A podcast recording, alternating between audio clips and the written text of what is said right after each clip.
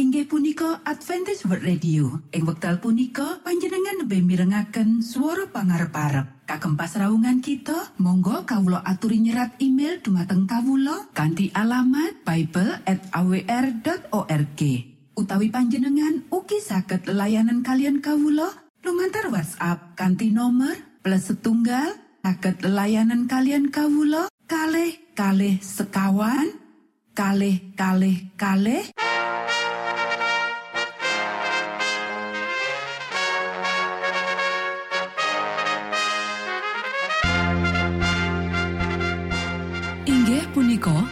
Adventis World Radio ingkang giaran kanti basa Jawi.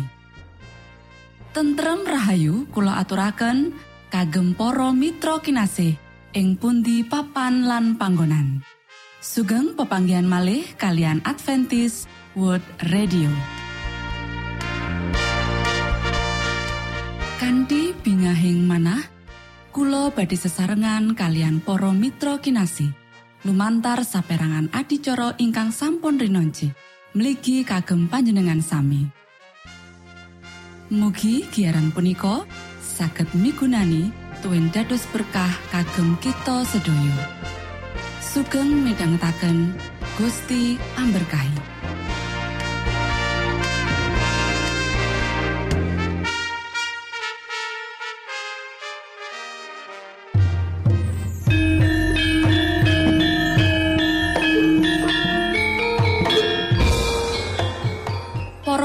Pamirsa kinasih ing Gusti Yesus Kristus. Ing wekdal punika kita badhe sesarengan ing adicara ruang kesehatan. Ingkang saestu migunani kagem panjenengan saha kita sami. Tips utawi pitedah ingkang dipun aturaken ing program punika tetales dawuhipun Gusti ingkang dipunnyatakaken ing kitab suci. Semanten ugi sakehing seratan ingkang dipun wangsitaken dening Gusti Allah. Nanging saderengipun monggo kita sami midhangetaken kidung pujian.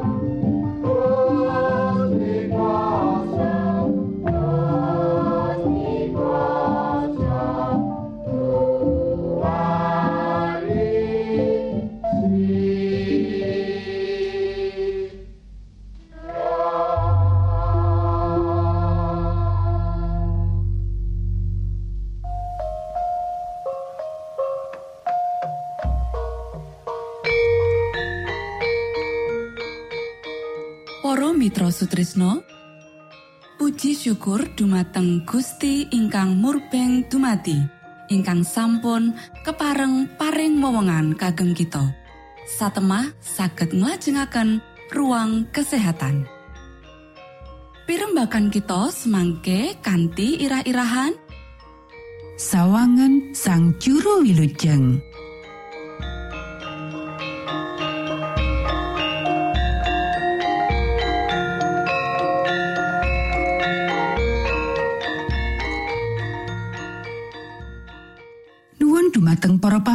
pamiarsa ingkang dahat kinurmatan sugeng pepanggian malih kalian kula Isti Kurnaidi ing adicara ruang kesehatan.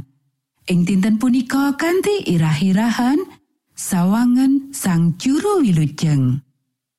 Para sedherek ingkang kinasih pemanjaan sing ora bisa dikendaleni ya iku sing akibatake leloro lan kemerosotan sing ana ing karawuhane sang Kristus sing sepisan bakal muncul maneh kanthi piolo sing luwih gedhe sadurunge karawuhane sing kaping pindho.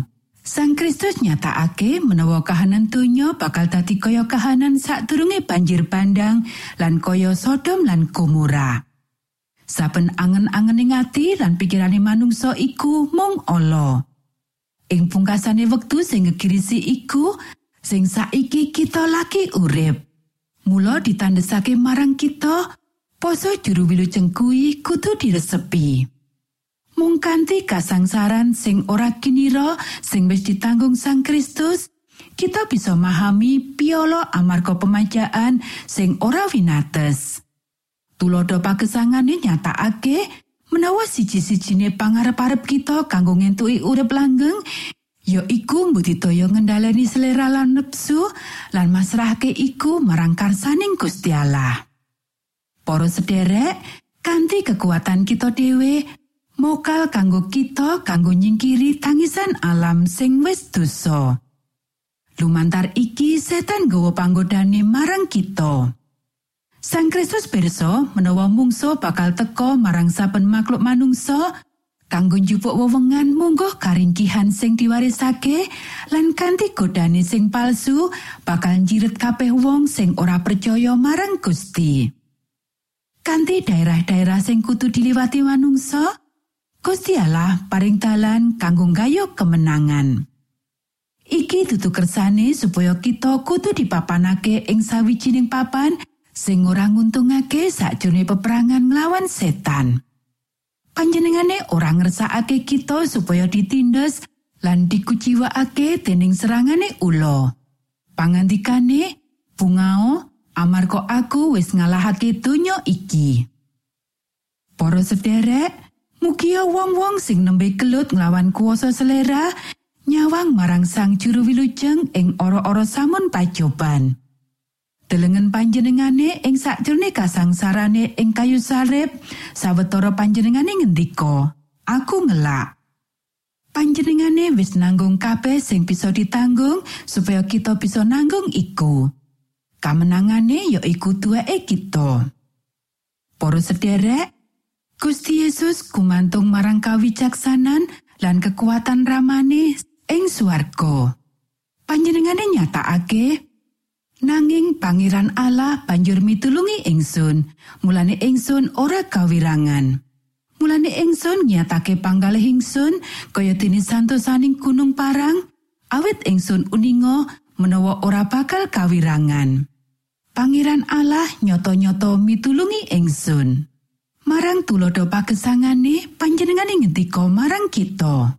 Sopo panunggalaniro kang wetiase marang Pangeran Yehua menawa dumunung ing pepeteng lan ora kasorotan ing cahya cikben percaya marang asmane sang Yehua tuwin sumende marang Gusti Allah.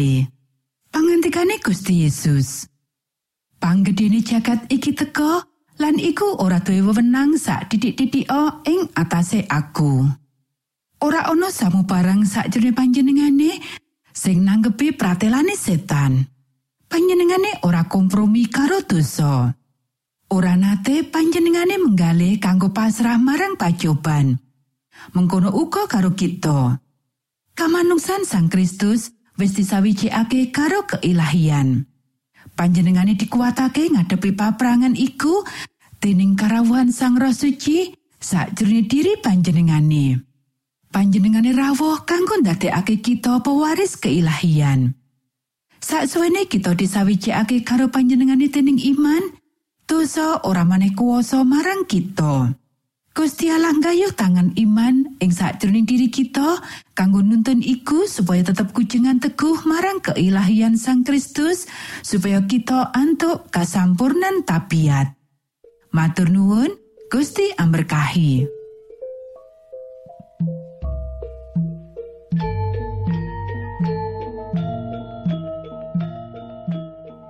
Cekap semanten pimbakan ruang kesehatan ing episode dinten punika. Ugi sampun kuatos jalaran kita badhe pinanggih malih ing episode sak lajengipun.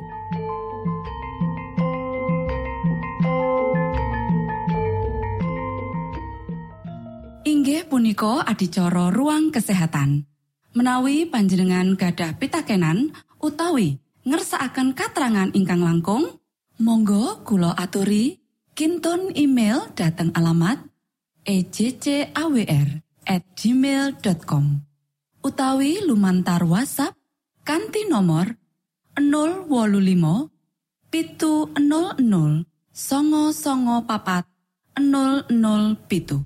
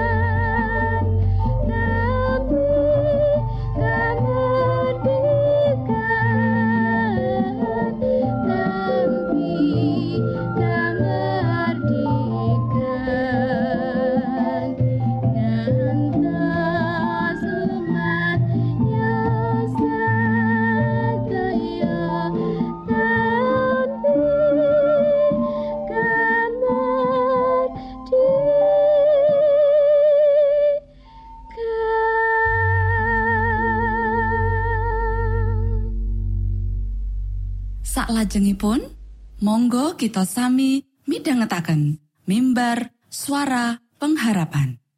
Angkat nafiri kanti pawarto Sang Kristus paderamu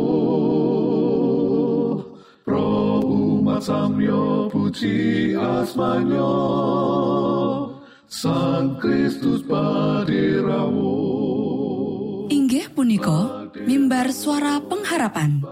Ing episode punika kanthi irah-irahan. Ojo nganti wong mursid kena godha. sugeng midhangetaken. Sang Kristus paderamu ilmu kawero tambah tambah. Sang Kristus paderamu paderamu paderamu Sang Kristus paderamu Shalom para sedherek ingkang kinasih wonten ing Gusti. Sakmenika kita badhe mitangetaken renungan Sabtu pangantikanipun Gusti. Ing dinten punika kanthi irah-irahan Ojo nganti wong mursid kena godha. Para sedherek ingkang kinasih, ayo diwaca Kitab Zabur pasal 73 ayat siji nganti rolas. Mazmur anggitane Asaf. Satemene Gusti Allah iku becik tumrap para wong kang mulus atine lan kang resik atine. Nanging aku kurang sedidik bae sikilku kepleset. Aku meh kepleset. Amarga panas atiku marang para wong kang gumunggung. Menawa aku meruhi kabegjane wong duraka. Awit iku ora padha nandang loro. Awake waras lan lemu. Ora padha ngrasakake susahing manungsa lan ora padha kena ing bebendu kaya wong liyane. Mulane padha akalung piangku, tuen panganggone arupa panganiaya. Amarga saka lemune kaluputane katon ngeklo. Atine mbludak ing pandakwa. Padha nyemoni lan muni-muni kanthi patrap kang ala. Bab panganiaya padha dirembuk kalawan gumunggung.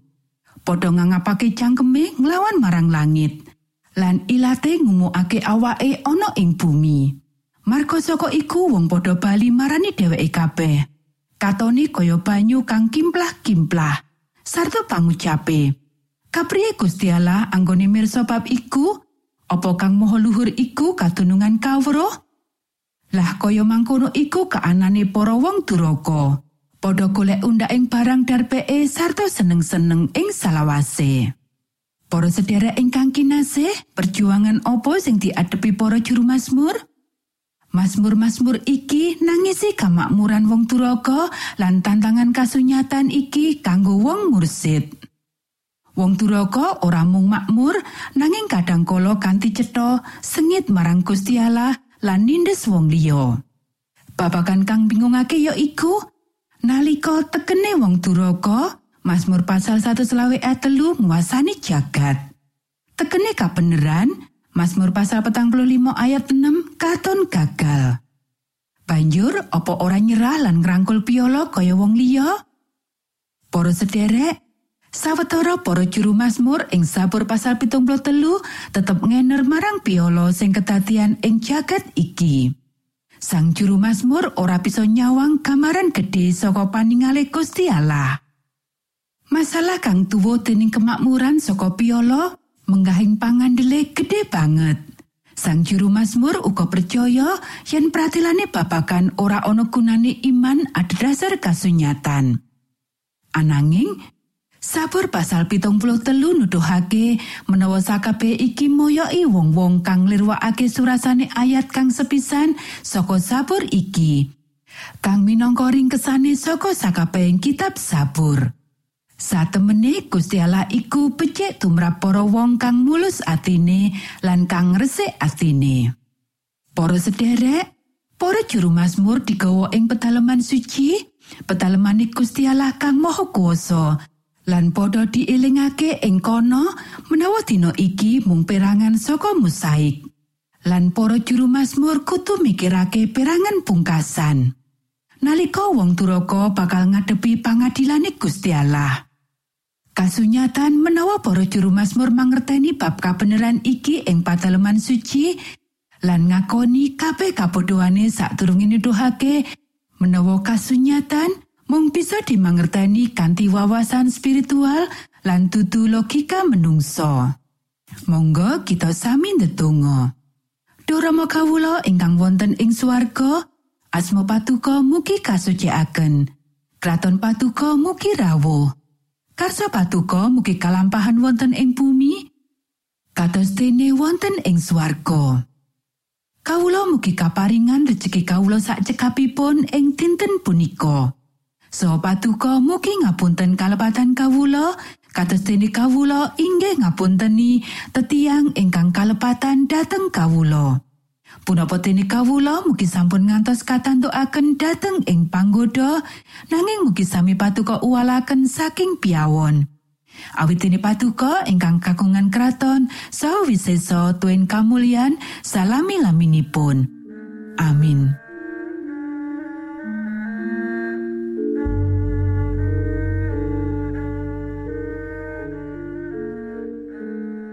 Mitra Sutrisno pamiarsa kinasih ing Gusti Yesus Kristus.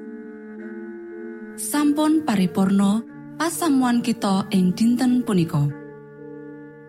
Menawi panjenengan gadah pitakenan utawi ngersaakan seri pelajaran Alkitab suara nubuatan Monggo Kulo aturi kinton email dateng alamat ejcawr gmail.com utawi lumantar WhatsApp kanti nomor 025 pitu 00 songo songo papat 00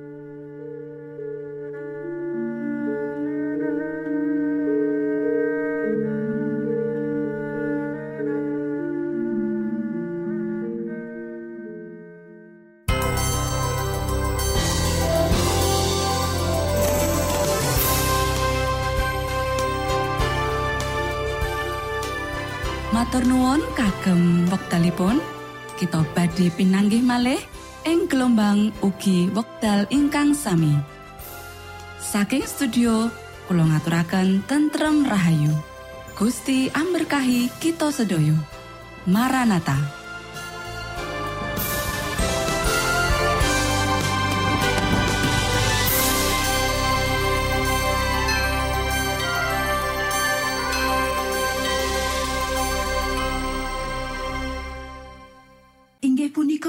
Adventist World Radio. Ing wekdal punika panjenengan lebih mirengaken suara pangarep-arep. Kagem pasraungan kita, monggo kawula aturi nyerat email dumateng kawula kanthi alamat bible@awr.org.